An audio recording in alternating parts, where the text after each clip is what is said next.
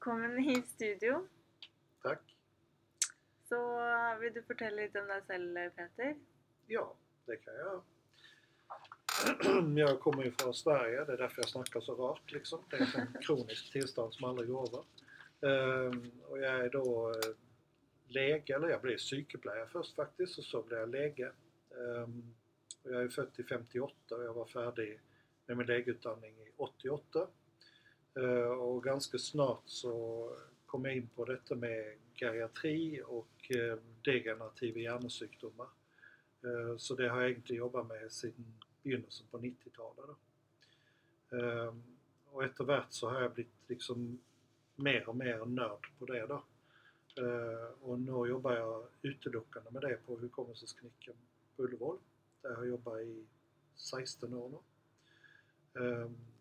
Och brukar hela arbetsdagarna på att träffa patienter med olika typer av kognitiva problem som vi då prövar att utreda och diagnostisera. Hvorfor ble du så interessert i det feltet? da? Nej, jag vet inte. Det var något fascinerande med det här med hur hjärnan fungerar och vad, vad sker när, när det går galt. Liksom, vad, och det här att kunna tolka och förstå symptomen. Och, det, det, det är nog väldigt fascinerande med det. Alltså. Mm. The human mind. Ja. Ikke sant? Det er spennende. Men hvis du skal ehm, Hvis du skal prøve å forklare hva, hva Kort fortalt, da, hva er hukommelse, og hvor er det det hvor, Hva er det som skaper hukommelsen? Mm. Ja, så hade du visst det så hade du fått Nobelprisen då. Så, Med dine ord, da. Det du tror.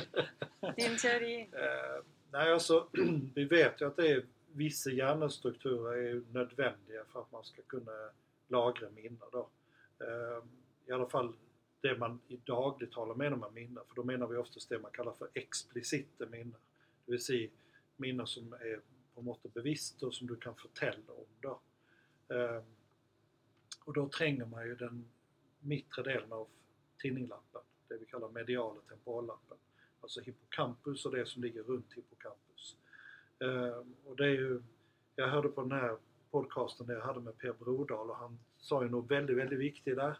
Detta med att, att den är liksom nödvändig men icke tillsträcklig. Inte sant? Mm. Eh, Det är ju så med, med hjärnan som, som han sa gentatte gånger att, att hela hjärnan är ju hela tiden aktiv.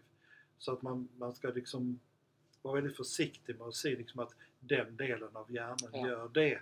For det har är- det gått litt bort det ifra er- sånn, egentlig. det är liksom aldrig sånt. Nej. Det är alltid så att, att, eh, att eh, hela hjärnan jobbar med, med uppgifterna då. Mm. Men att det finns vissa nyckelområden som, som må vara gott fungerande för att en, ett visst nätverk ska kunna fungera. Då. Mm. Och då vet vi att, att hippocampus är en sån eh, väldigt, den sitter i nyckelposition när det gäller att, att lagra minnen.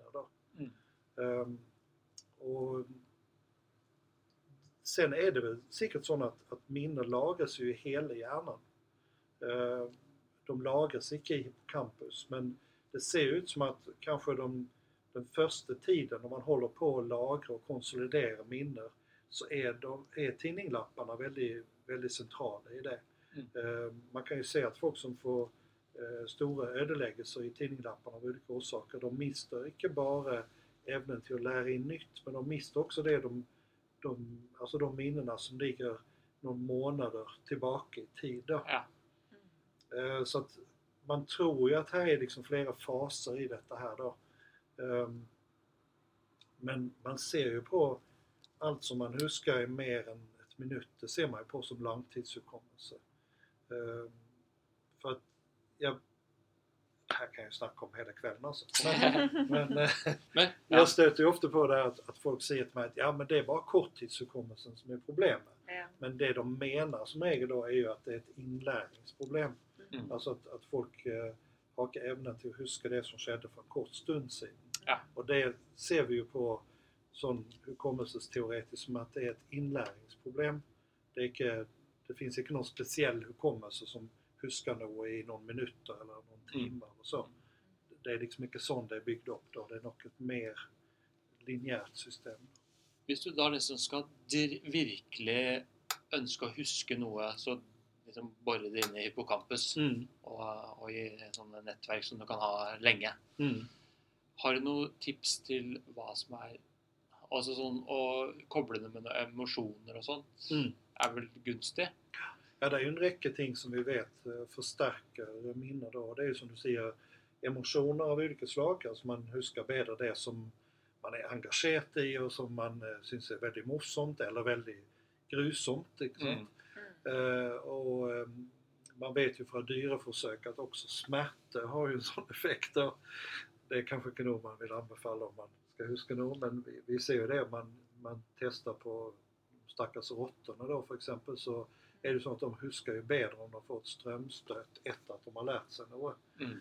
Eh, eh, och det kan man ju se, folk som är utsatt för traumer och sånt, att de, de har liksom väldigt tydliga minnen från själva traumet då för att, för att det blir en sån förstärkning med, med, med smärta och ubehag.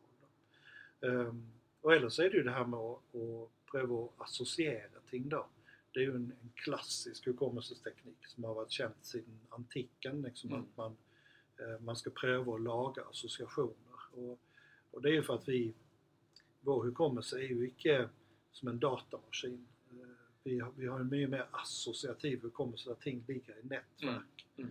Ehm, och det ser vi att vi kan ju du kan ju få fram liksom delar av eh, ett minne men icke hela. Alltså Mm. du, för exempel om du om du slår upp en, en person på Wikipedia så får du liksom all information om den här personen.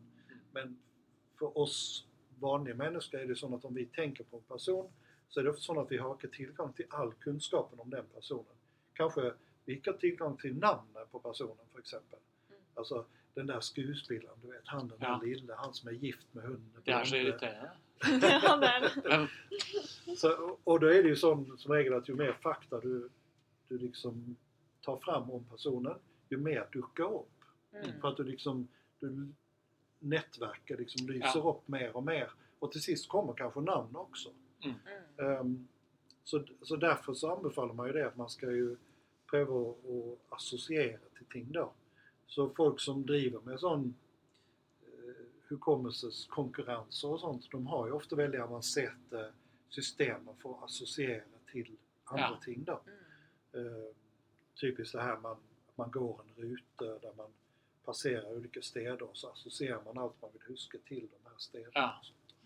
men sånn Jeg prøver å bli bedre på å huske navn, Mm. Peter. Eh, den sitter. Ja, det är bra, bra teknik det där. Så när du har blivit presenterat för någon så brukar du nämna det. Ja. Eh, och det är ju sånt som blir anbefallt då. Eh, och så ska man ju också pröva att att se om man kan associera eh, namnet till personen till något. Alltså la, göra det konkret. på något. Och För, för namn är ju helt abstrakta. Alltså, det är ju ingen metoder för att se vad någon heter. Liksom, ja, det är Mats du heter, inte sant? Du, du har ingen karaktäristisk, karaktäristika som pekar ut dig Nej. som en Mats. Liksom. Nei. Jag känner andra personer som heter Mats och de liknar inte dig i det hela taget. Nej. Liksom. Så man, man må laga sig då någon slags association som gör att namnet får en, en konkret betydning då. Ehm, för att, eller så är det bara en grupp av bokstäver då. Mm. Och det gäller kanske särskilt namn som är, eh, är lite okänt för en. Alltså folk som heter, som kommer från andra land och heter ting som du aldrig har hört för. Så blir det väldigt vanskligt att huska deras namn. For noen er ekstremt gode på det. Ja. Sånn, er, du møter noen én gang, og så to år seinere så Mm. blir du veldig imponert. Til, Ja. ikke sant? Hei, Mats. Mm. Ja, ja eh, Och någon har ju helt sikkert en speciell begavning för det. För det ser vi att folk, folk är ju forskjellig begavet och någon har helt enkelt en väldigt god evne till Mm. det i utgangspunktet då. Men hva vet vi om f.eks. sånne savanter og, og folk som har fotografisk minne sånn, da, Mm. i forhold til hjernen?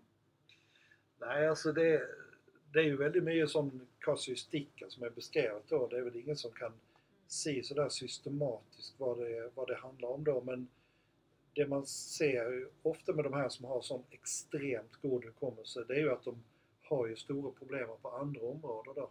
Sosialt Alltså, eller Ja, för exempel att de är litt sånn har sånn autistiske trekk. ikke sant? At de er Mm. eh, liksom veldig, veldig spesielle på andre måter. Mm. Men vi vet ikke om det er noen anatomiske forklaringer. Vi tror ikke det. Det, det har mer med de spesielle nettverkene å gjøre. Ja, antageligvis. Eh, Det var, jeg så et veldig morsomt program på TV for en stund siden. om, eh, Det var et tvillingpar der den ene var sånn og den andre ikke var sånn. da. Ja, ja. Eh, Så den ene var sånn at han, han, han kunne liksom gjenkalle alle detaljer. da. Han var, han var, han var jo litt spesiell da. Han var f.eks. veldig opptatt av biler. da. Og han kunne da si hvilken søppelbil som hadde vært ved huset deres den 23. august eh, Ja. 2005. Så liksom han sånn mm, Ja, det var nummer Og så kunne han si hvilket nummer det var. Men det liksom, hva, hva, hva skal man egentlig med det? Er ikke sant, hva, hva, hva, hva gir det deg av nytte i Nei. hverdagen? Nei, Det er det. Det, det, gir nok ikke så veldig mye nytte i hverdagen. Så det er jo kanskje egentlig ikke en eh, Nei, strategisk, evolusjonær eh, Nei, altså for man tror jo at evolusjonsmessig så må det ha vært noen slags fordel for oss å glemme. For ellers hadde vi ikke vært så flinke til å glemme. Nei, for vi er ganske dårlige på å huske, sånn generelt. Hvis vi har vitneforklaringer og sånn, så vet vi at den Ja. er ganske dårlig. De er veldig dårlige. Og det jo veldig lett å få folk å, å tro at de husker ting som de faktisk ikke har opplevd. Ja. Det, det kan man jo ganske lett eh, få til. da. Eh, så vår, vårt minne er jo veldig sånn uh, upålitelig. da. Mm. Eh, Så for eksempel så har man jo sett at de som er gode til å glemme, de har jo ofte bedre hverdagshukommelse. Eh, Og det forklarer man jo med at eh, om du f.eks. skal huske hvor du har satt bilen din på en stor parkering, eh, så er det jo en veldig fordel da å bare huske den siste gangen du parkerte, og så glemme alle de andre gangene. Mm. For da, da får du mindre forstyrrelser, liksom. Mm. Eh, og man kan faktisk vise at de som er flinke til å la det siste minnet dominere, eh, de har lettere for å finne bilen og finne igjen nøklene og sånne ting. For at korttidshukommelsen den sitter litt lenger frem i hjernen, stort sett. Eller kanskje. Ja, altså man mener jo at eh, det, Vi kaller det gjerne for arbeidshukommelse, for ikke å blande det med Ja. det som populært kalles korttidshukommelse. Eh, Og man mener at arbeidshukommelsen er avhengig av de her front- og subkortikale systemene. da. Eh, altså basalganglierna og frontallappene framförallt. da. Eh, Men vi vet jo at også cerebellum er involvert i arbeidshukommelse, bl.a. når det gjelder sånne ting som sekvensering og sånt. Altså om man eh, En vanlig sånn test på arbeidshukommelse det er at man ber folk å gjenta tallrekker baklengs. Mm. Altså om jeg sier 3, 6, 5, 7, 2 til deg, og så ber jeg deg å gjenta det baklengs. Mm. Da, da vet vi at man, da involverer man også cerebellum. Da. Mm. Så, så det er ikke bare frontallapper og basalganglia. Ja. Så cerebellum er også involvert i hukommelse. For det, det Ja. er jo sånn ikke sant, Man ser på motorikk og sånne Mm. ting. Og, og mange som man ser at eh, begynner å bli litt eh, Ja, kanskje litt degenerasjon i enkelte steder, så, så har de jo problemer med å gjøre sekvenser eller, Mm. eller typiske Ja. sånne de vil- Ja, ikke sant. Ja. Det, typiske sånne cerebellum Mm. eller de, de har problemer med å lære en ny bevegelse. Da. Mm. Og da blir jo rehabilitering eh, vanskelig Mm. også, når de ikke har evnen til å liksom ja, skape nye, nye synapser og Ja. Og vi ser jo også vid cerebellära skador at man f.eks. har problem med, med andre typer av regulering enn enn regulering av motorikk. Da. Altså at man har problem også med regulering av følelser. At man kan bli litt, litt uhemmet og, og den typen av ting. Da. Så cerebellum har nok mer kognitive funksjoner enn det man har trodd tidligere. Da. Mm. For cerebellum har jo i prinsipp forbindelse til alle deler av hjernen. Da. Mm. Men tror du at eh, derfor bl.a. fysisk aktiviteter og lære seg nye ikke sant, eh, idretter eller sånne ting, Mm. er gjennom cerebellum at det er det som øker eh, Eller er en stor del av, av årsaken til at det forbedrer kognitive Ja, det, det er jo ingen som vet Nei. egentlig da. Og det er klart at det är ju, alltså, vi snackar om hippocampus som liksom eh, viktig för den, den explicita hukommelsen. Men sen har vi allt det här med implicit hukommelse då, alltså det här ting som man lär sig som man inte så lätt kan förklara då. Mm. Alltså för exempel att cykla eller stricka eller eh, skrälla potäter och sånt. Alltså det är, det är ting som du kan inte undervisa folk i det, liksom ha ett föredrag i två timmar om hur man cyklar och sen går alla sexåringarna ut och Mm. cyklar. De gör ju inte det. De må liksom öva Ja. in det då. Ehm, och det, det gör att då, då kan man heller inte förklara sen för någon annan hur man gör. Mm. Mm. Och det vet vi att den typen av läring eh, är, är icke hippocampusavhängig. Alltså man kan, eh, det finns ju studier gjort på folk som har mistet hippocampus av en eller annan grund då. Mm. Inte via operationer eller infektioner och så. Ehm, och de kan ju fortsatt lära sig sådana färdigheter då. Ja.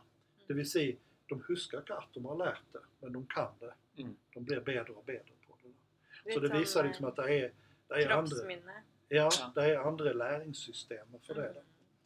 Det er som måte. Eller altså Ja, Det er sånn Mm. basalganglige där tror vi att det är basalganglier och, och cerebellum och frontallappar som är liksom aktiva i det. Men det ser man vel med kanskje pasienter som har demens, og at de, de kan fortsatt spille Ja. klarinett, eller de kan fortsatt gjøre de gamle motoriske tingene som de har gjort i mange år.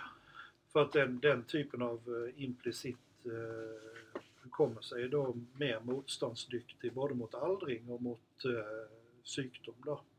Eh, och det, är, alltså det här med, med sånger, sångtexter, dikt och sånt är ju också, eh, virker också vara en form för implicit läring. Då. Ja. Eh, alltså sånt, sånt som man kan på rams. Eh, och det, det står också då bättre emot eh, sjukdom och, och, och aldring. Då. Hvorfor tror du det? Nej, det är nog helt enkelt att det man lär det på en annan måtta, så det är en annan typ av kunskap. Då. Mm. Ehm, Jag brukar ju pröva att ex- exemplifiera det ved att säga att om jag spör dig vad, vad är huvudstaden i Frankrike så svarar du omedelbart Paris. Men om jag spör dig om något annat som du kan väldigt, väldigt gott så kan det ta mycket längre tid. För exempel, vad är tredje ordet i fjärde raden på Jag vi älskar? Det är kunskap som du absolut har, Mm. men du har den inte så tillgänglig. Mm. Eh, alltså, du må gå igenom hela texten då med sommelier och tälla ord och sånt.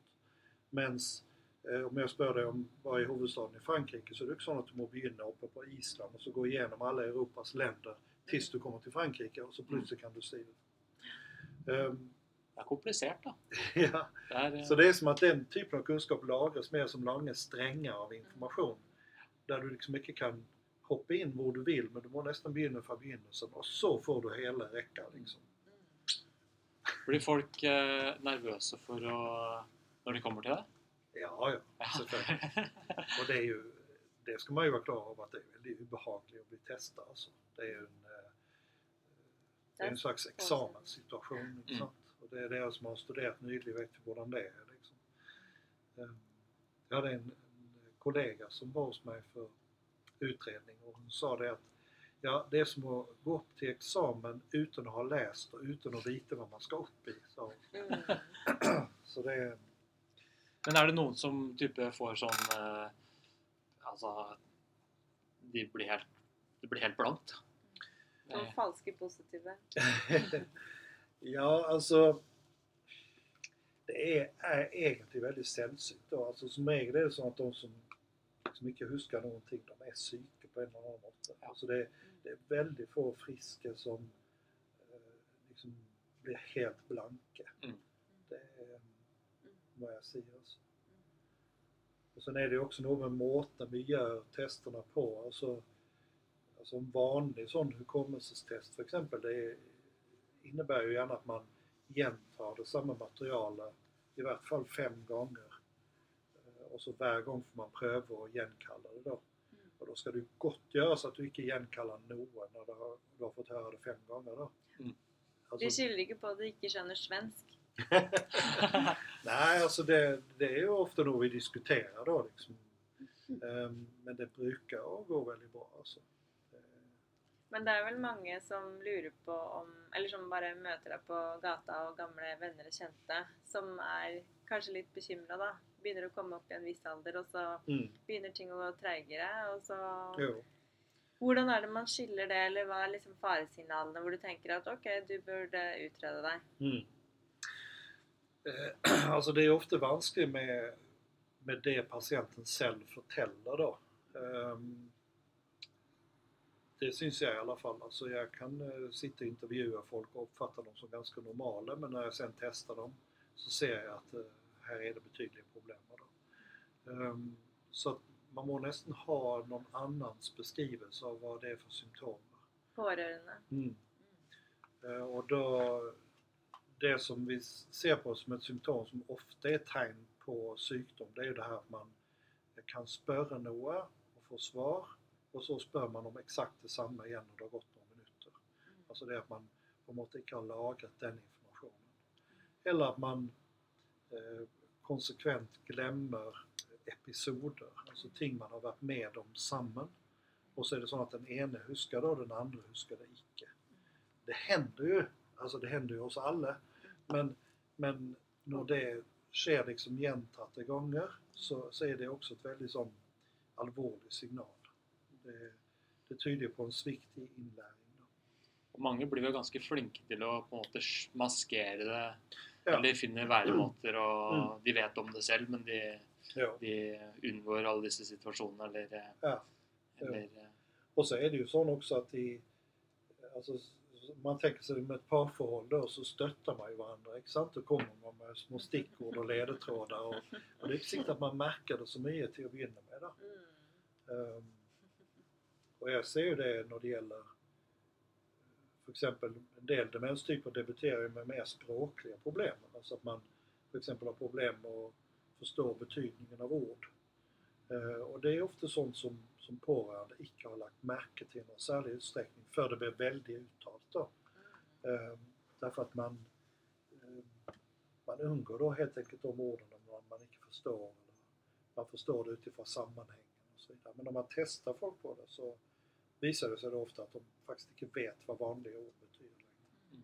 Men är det så att du har en en beskyttende mekanisme mot demens hvis du har en jobb f.eks.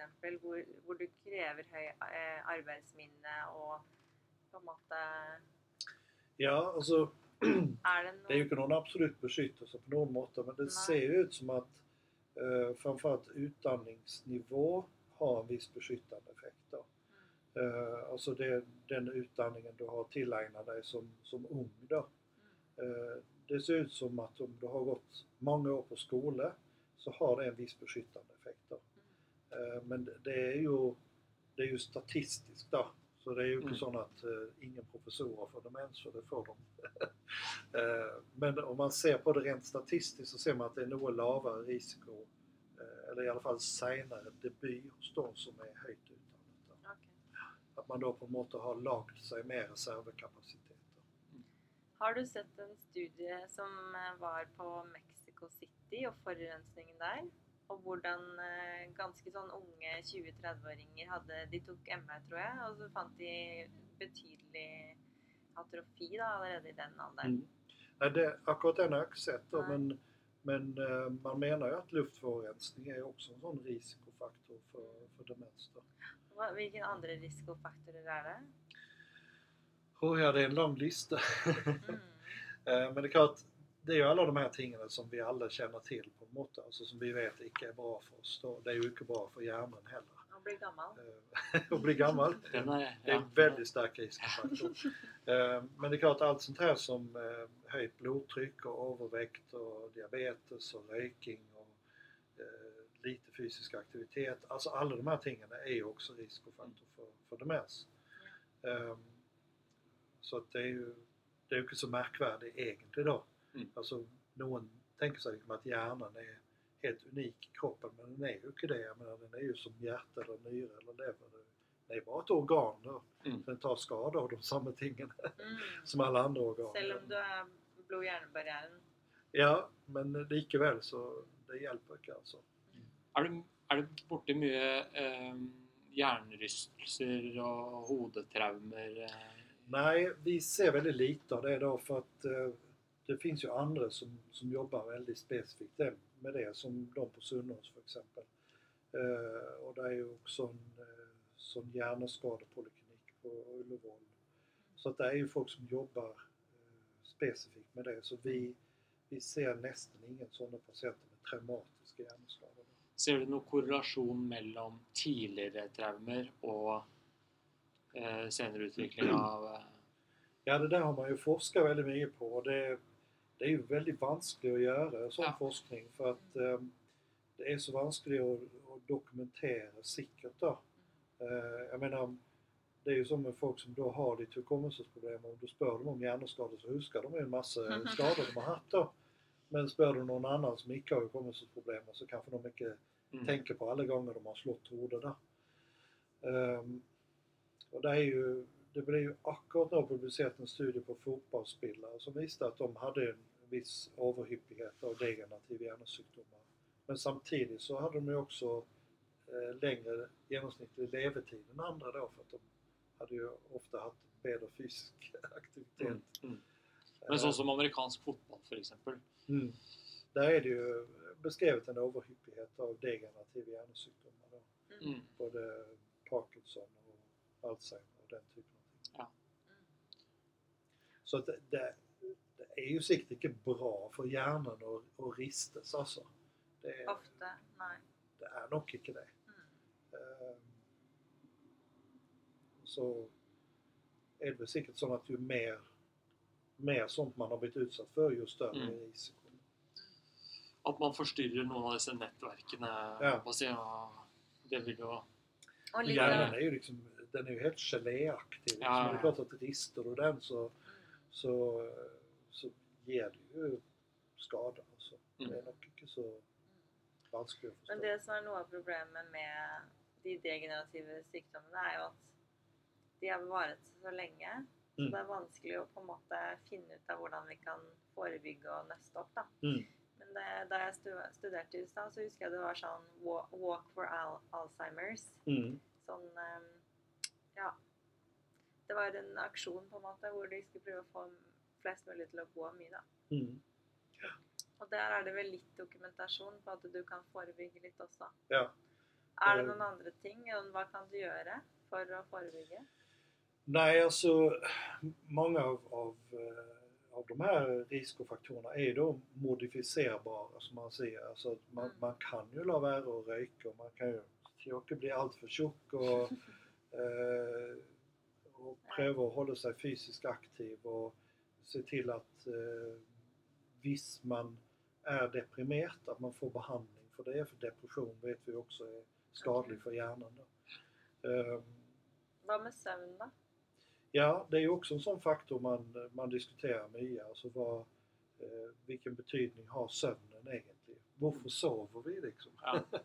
och då är det ju många som menar att, att eh, under sömnen så, så är det en slags eh, rensemekanismer då. Mm. Att eh, man tror kanske att likvor som man, alltså den här väskan som omger hjärnan och hjärna, ryggmärgen, att tidigare har man tänkt på den kanske mer som en stötdämpande väska då, men man tror att den har en funktion i eh, som en slags lymfsystem då som, Ja. Som transporterar bort eh, slaggprodukterna. Mm. Och att det sker under sömnen framförallt. Det er hvis, Hva tror du? Eh, tror du man sover dårlig fordi hjernen ikke funker så bra? Eller tror du hjernen ikke funker så bra fordi man sover lite? Ja. Hva, Liksom- hvis du skulle liksom tro eh, Høna eller ja. Nej, det är ju väldigt vanskligt att säga. Alltså. Men det kan ju vara både och. Sant? Ja? Det kan ju säkert vara så att om du sover dåligt så får det negativa konsekvenser över tid. Och Ja. Samtidigt så vet vi att väldigt många hjärnsjukdomar för med sig dålig sömn. Mm. Så, ja, nej, jag tror En blandning. det är dock en blandning. Ja. Men vi vet jo f.eks. at eh, barn med ADHD sover dårligere. Mm. Men er det noen sånne sykdommer som eller eh, ja, sykdommer eller dysfunksjoner som du har altså, mye høyere sjanse for å få demens med? Alltså du tänker på andra hjärnsjukdomar eller? Ja, eller bare sånn eksempel hvis du har eh, eh, Ja, eller hvis du har hjerte-karsykdom, eller hvis du har eh, Mm. Hvis du jobber turnus, eller Er det liksom ting vi vet som eh, Turnus vet jag väl inte om man har sett på eh, om det ökar risken för demens. Men hjärt-karsjukdom gör ju det. Ja. För, för det är ju det är ju lite grann så att om du får ett hjärtinfarkt så är ju det liksom det enaste stället i kroppen där blodårorna är dåliga. Mm. Mm. Eh, De är ju gärna dåliga andra städer också och då är det ju ofta hjärnan som, som blir rammat. Då. Mm. Så det är klart att eh, har du generell karsjukdom så har du också en högre risk för att få karsjukdom i hjärnan. Mm. Eh, absolut. Og så gamle folk de står som regel opp veldig tidlig. Gjør ikke det? De står liksom tidligere og tidligere opp. Ikke? Det är många som gör det, att man, man Så har de klokka halv mindre, fem om morgenen. mindre lång och sammanhängande sömn när man blir äldre. Då. Men det ser man ju på som ett normalfenomen. Ja. Det, det tror jag. Nei, det er veldig spennende. Det er jo forskjellige typer eh, eh, altså hukommelsesproblemer. Mm.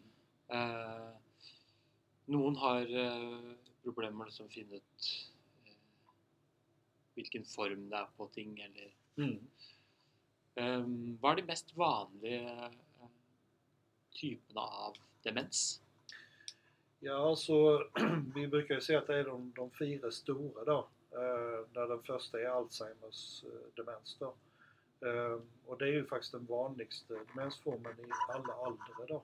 Jag ser ju många unga människor med, med demens då. Och det är också så att hos dem är, är Alzheimers sjukdom den vanligaste sjukdomen.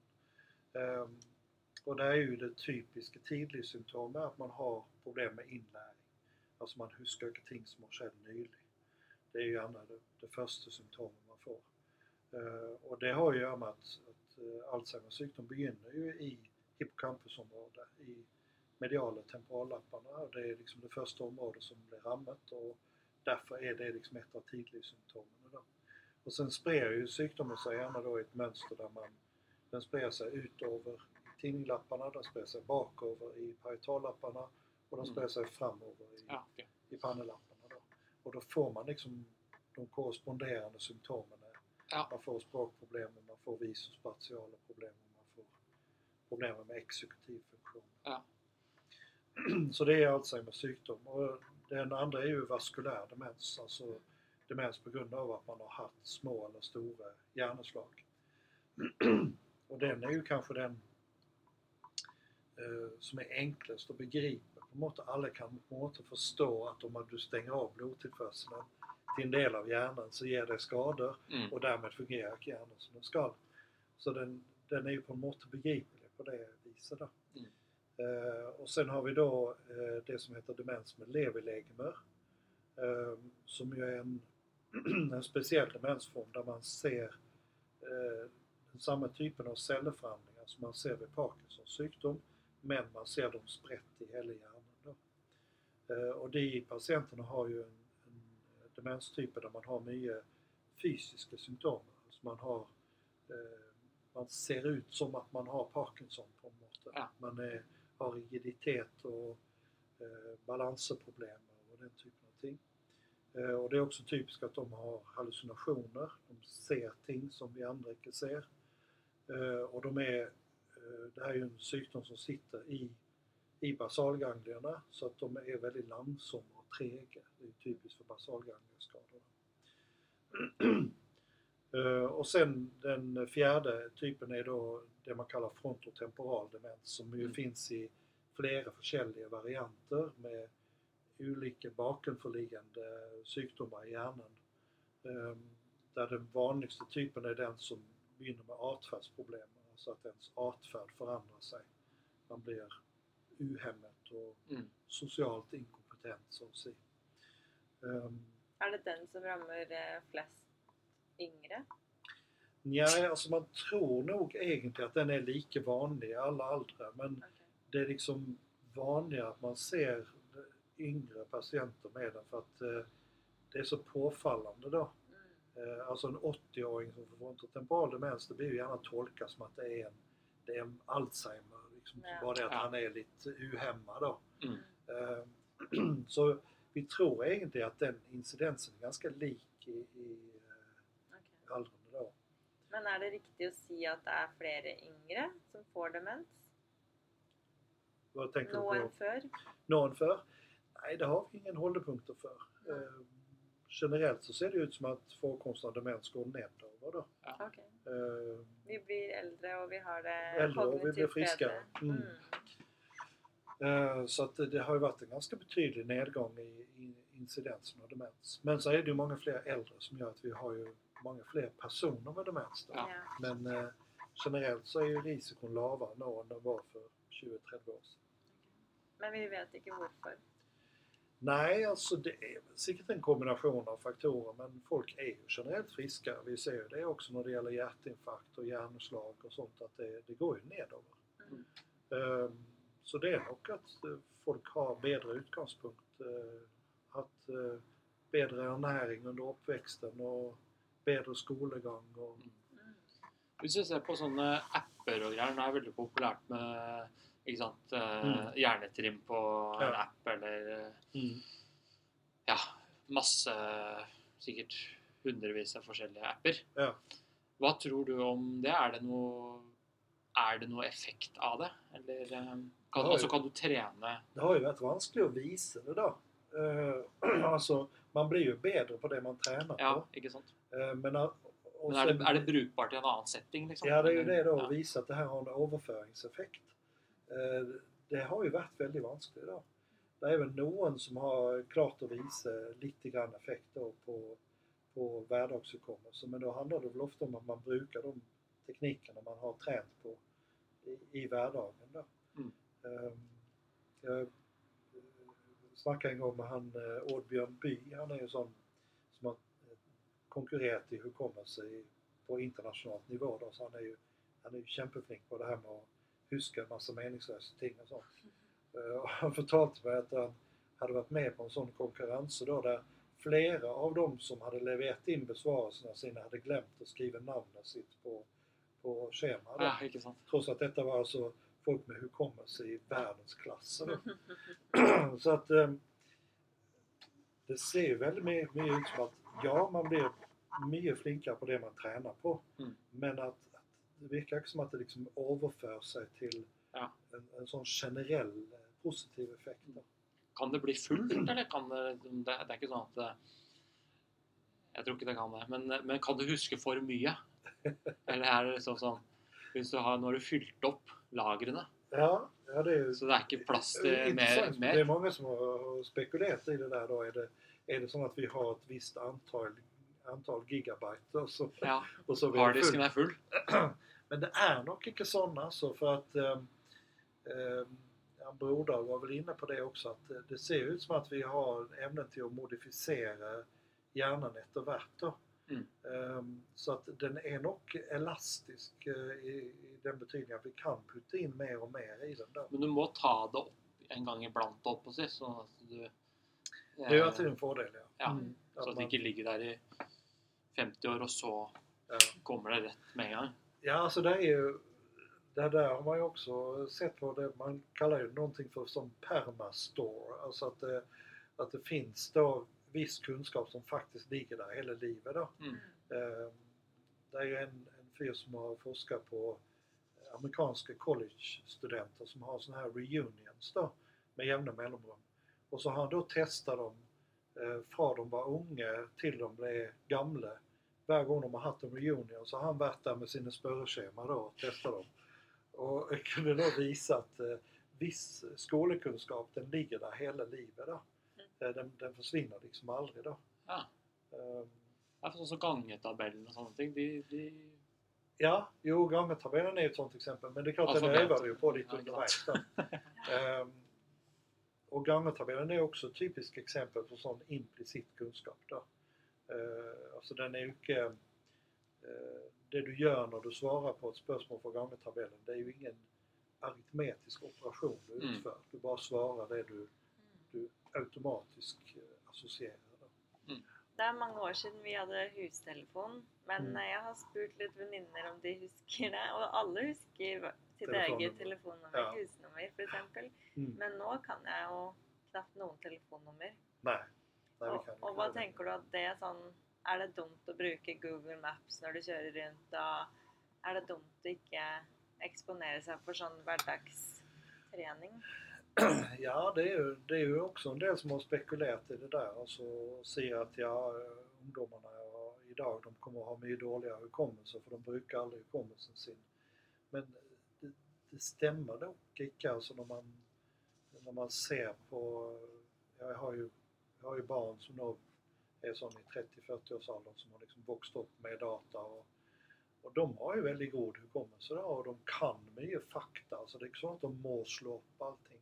Mm. Eh, när man spelar sådana här kunskapsspill och sånt så, så kan de ju väldigt mycket. Men det er barna dine, da. Så det kan kan hende du er litt biased, og Ja, også at de har arva noen sånne smart, smart-gener. ja, det. Og så sånn hvis du Husker du på en måte den første du kyssa på skolen eller noe sånt, eller? Det har vært så mange siden. Ja, det har varit så många. Nej då. Eh, jo, ja, nej, jag kan nog inte säga sånt säkert vem som var den första. Så. Det tror jag inte. Du kan dette? Ja, ja. Ja. Det var Robert Gjestheim. I, något mer. eh, det var ikke den der Nødt eller sannhet i, på SFO, holdt jeg på å si. Ja. Ja. Ja, det var nødt Hva til å med deg, da? Eh, det var eh, eh, Ja, det var vel nødt til sannhet, det òg. Det var Jeg husker ikke navnet. Det är gärna en sån Så är det. setting. Nei, jeg, jeg husker ikke. Det står mellom én eller to. Husker du hva førskolelæreren din het? da? Nei. Ikke jeg heller. Jag huskar. Ann-Marie. Men man brukar huska Elisabeth. den första barneskoleläraren man hade. Den brukar man huska. Ja, den husker jeg. Ja. Det var Elisabeth. Men eh, husker, du husker ikke nummer tre-fire som du kyssa? Nei. Nej, det är väl sällan man har sån överblick. Man har før- alt det der. Då skulle man du ha noterat och lister? så puggade liksom. Før lister? Ja, för det är ju en del som, som säger att nej, jag ska inte skriva upp ting för att då huskar man inte så bra. Men det är nog inte sant. Alltså, det är väl heller så att om du får in ting genom flera kanaler så är det större chans att huska det. Mm. Alltså så, visst du i tillägg till att ha tänkt på det också har noterat det och gärna associerat det till något och lagat ett litet system av det så har du mycket större chans att huska det. Då. Mm. Så, Men det er vel også litt sånn i forhold til altså, den, det viktighetshierarkiet Mm. eh, som ligger i, i hjernen. mm. Eh, At eh, for noen så er det veldig viktig å huske eh, Eller være, være gode på tall. Mm. Det er liksom en del av identiteten og, Ja. og sånt. Så det blir veldig viktig å huske disse tingene. Mm. Och kanske också att de syns det är väldigt då. Inte Ja, ikke sant? Eh, Og så ikke får det sånn ja, du- Og du er så god med tall. ja. Eh, Ja, det stemmer, det. Då förstärker man Ja. det. Och så är det ju också det här med att om du kan du väldigt mycket om ett område och så får ett faktum till så är det väldigt lätt att putta in det i ditt färdiga system och då Mm. huskar du det. Då. Ja. Eh, alltså jag brukar ta som exempel om, eh, om jag får höra ett fotbollsresultat så säger det mig ingenting. Alltså det är att det var 2-0 eh, Liverpool mot Manchester United. Alltså för mig har det liksom ingen konsekvens. Nei. Men visst du är väldigt intresserad i fotboll så, så har du liksom ett inre bild av eh, olika ligor och serier och sånt och då, då faller det här resultatet in i ett system och så ser du aha, detta får ju den konsekvensen att och, och då huskar du det där resultatet för att det, är liksom, det har en signifikans för dig då. Mm. Ehm, Men så, så, ja. Ja. Jeg må bare spørre om en ting. IQ og eh, hukommelse, er det noe eh, Er det noen sammenheng mellom de to? Ja, alltså IQ är ju ett, ett begrepp eh, som handlar om hur bra du gör det på kognitiva tester då. Så därmed så är det en koppling ja. Eh, Det blir liksom ett, ett, ett cirkelargument då. För en, en hög IQ betyder att du är väldigt flink på kognitiva tester. Det är ju det det beskriver då. Mm. Eh, Och då är det som regel så att är du flink på en typ av kognitiva tester så är du också flink på en annan typ. Alltså, det vanliga är ju att vara ganska jämn i sin begravning. Det är ju vanligt att folk för exempel är kämpeflinka på ett område och så bunddåliga på ett annat. Mm. Eh, det kan vara vissa variationer selvfølgelig men, men som regel så följer de här tingen varandra. Eh, så att eh, därför så är det så att om du har bra IQ-score så har du oftast också bra hukommelse-score. Mm. Det är en, en tydlig sammanhang där. Men det har ju mer att göra med hur man, man definierar begreppet. Då. Så att det är ju, det är ju någon med väldigt lav utandning och, och lite skolgång kan ju ha kämpebra hukommelse. Mm. Därmed inte sagt att de gör det väldigt bra på en IQ-test. Vi jobber jo med pasienter vi også, og behandler og Jeg har en, en sånn litt artig Eller det er ikke artig for pasienten sin Nei. men eh, litt är sånn ju artig sån eksempel. det er artig for, for diskusjonens del, da. Og det er det der med, med cellehukommelse, om kroppen husker. Mm. Fordi at for eksempel en, en pasient jeg hadde, hun, eh, hun visste ikke, eller hukommelsen hennes hadde ikke tilgang til at hun hadde blitt misbrukt som barn. Mm. Men, men hver natt så hadde hun, hun hadde aversjon mot eh, høye halser, og eh, hun lå alltid og på en måte beskytta halsen om natta når hun sov, og hun Mm. visste ikke helt hvorfor. Eh, og hadde mye kremteproblemer og mye, ja, mye problemer med halsen. Og, Mm. og hun hadde jo ja, blitt misbrukt, og det fant hun ut av i en godt voksen alder. Mm. Og da kom alle minnene opp da, tilbake, men de hadde blitt undertrykket. Men, og da slapp alle de her faktene rundt halsen Mm. og kremtingen og alt sånn. Og det er veldig interessant. Om, og jeg lurer på hva du tenker der, om, om cellene også har eh, minne, da. Om det er en slags bevissthet i de kroppslige cellene. Ja, ja, det här är ju ett komplext eh, tema då. Alltså, det är ju väldigt omdiskuterat det här liksom om, är det så att man kan ha minnen som eh, man aldrig har varit klar över som så plötsligt dyker upp i vuxen ålder. Det är ju väldigt omdiskuterat. Um, och det är väldigt vanskligt att bevisa varken det ena eller det andra då.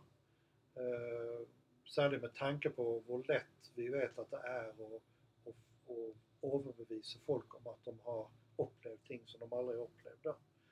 Ehm, så jag tänker väl kanske att eh, visst det var sån med den här damen så eh, är det väl så att hon hade ju en slags minne av eh, vad som hade skett i och med att hon hade alla de här symptomen. Att det var liksom sån minne gav sig uttryck där. Mm. Ehm, och att när hon liksom fick förklaringen på det så, så slapp symptomen då.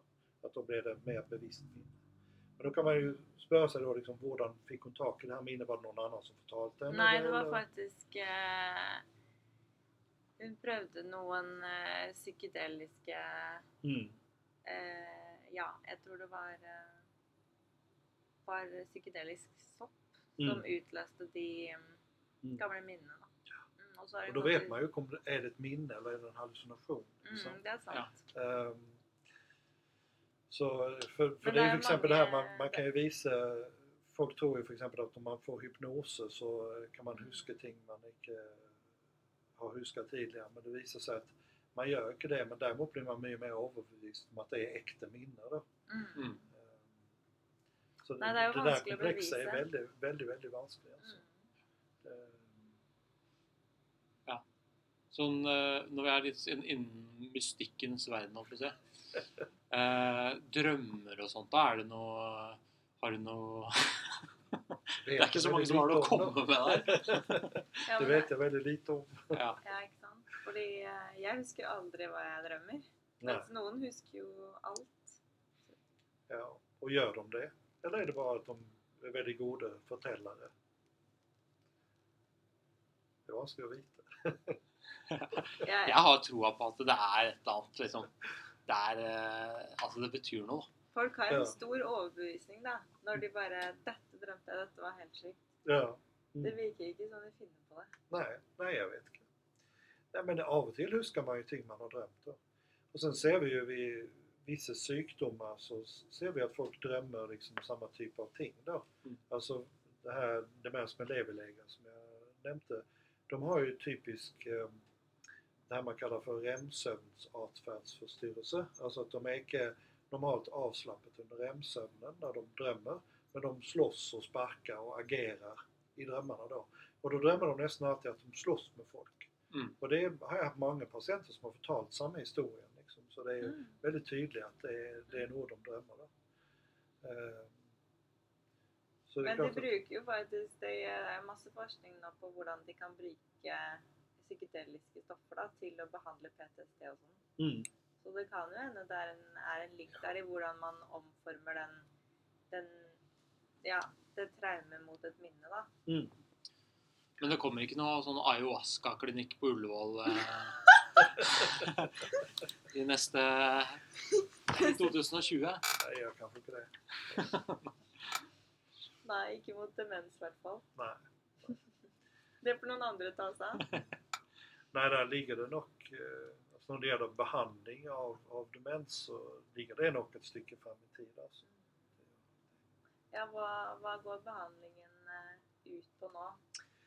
Nej, idag, idag så eh, handlar det mycket om att ta sig av folk då, på olika måter. Men vi har ju några medicament vi brukar som har eh, en viss stimulerande effekt. Då. Vi brukar ju kolinesterashämmare som ökar mängden acetylkolin. Eh, och det ser man att några har ju väldigt god effekt av det. Icke minst de här med demens med leverlegeme har ju ofta en, en fantastisk effekt. Eh, men sjukdomen går ju vidare oavsett och så den här effekten avtar ju efterhand som sjukdomen blir värre. Eh, men vi har ju ingen behandling som är liksom rättet mot själva sjukdomsprocessen. Det har vi inte. Och det är ju också ett problem det här att den dagen du får symptomer för exempel av Alzheimer, då har ju sjukdomsprocessen pågått i hjärnan i kanske 10, 15, någon säger 20 år. Eh, Att du har liksom ganska mycket skada allerede där Mm. som du har klart att kompensera för på olika måter. Så det er jo mest tilrettelegging for pårørende? At Mm, de ja, och skal för, för patienten själv. Då. mm, hjelpe deg å, å huske ting og Mm. mm. Rent sånn eh, Altså Hvor tror Hvilket felt eller sånn bioteknologi eller Hvor tror du uh, Hvis man skal bremse eller, eller behandle uh, sånne sykdommer, hva, hva tror du er det beste? Liksom? Hvor tror du nøkkelen kommer til å ligge, da? Ja, sannsynligvis kommer nøkkelen nyckeln till att ligga i øh, uh, att man kan uppdaga de här sjukdomarna väldigt tidigt. Alltså helst för de ger symptomer. Eh, och att man förstår så mycket av de basala mekanismerna att man då kan gripa in i sjukdomsprocessen Mm. och stoppa den då. Och där är vi ju inte ännu. Mm. Eh, Alltså diagnostik har man blivit väldigt mycket bättre på. Det har ju skett enormt mycket. Eh, Men fortsatt så är man ju inte helt säker på vad är det som faktiskt startar den här processen då. Eh, I, i den stora majoriteten av tillfällen. Mm. Men eh, vi vet ju om de formerna där man känner till en mutation som ger sjukdom. Där vet man ju vad det är som sker. Men de är ju väldigt få då. Mm. Den stora majoriteten av demens är ju icke eh, av, liksom betinget av, av tydliga fel i generna. Då. Litt sånn eh, avslutningsmess. Hva er det du gjør for å holde minnet og hjernen best mulig? Ja, det kan man spöra sig. Er du med i koret til Mona? Ja, jag Ja. synger i kor och det vet jag är väldigt bra. Det er bra. Eh, Och, eh, och sen är det ju så att jag eh, uppdaterar mig hela tiden. Alltså jag lär ju nya ting hela tiden. Eh, av och till syns jag nästan det, det är skrämmande. Liksom när jag lär mig något nytt så tänker jag tänk att jag aldrig har visst det här. Eh, men Kanskje det- du har visst det, men du har glemt det? Ja, möjligen. Nej, jag tror inte det. För det är ofta sådana här fagliga ting alltså, som jag borde veta om jag hade visst det. Ehm, men det är ju det är ett privilegium man har när man har en sån här jobb idag. Att man, man kan ju faktiskt hela tiden lära något nytt. Mm. Alltså, eh, det hörs ut som en kliché liksom att säga att jag, jag lär något nytt varje dag. Men jag följer ofta att jag har lärt något nytt alltså. Varje dag. Och det är ju otroligt spännande. Jag skulle bara önska att jag hade visst mig göra det här för 20 år sedan. Ja, men, men det är kanske inte så det fungerar. Jättespännande. Mm. Ja. Hjertelig takk, Peder. Mm.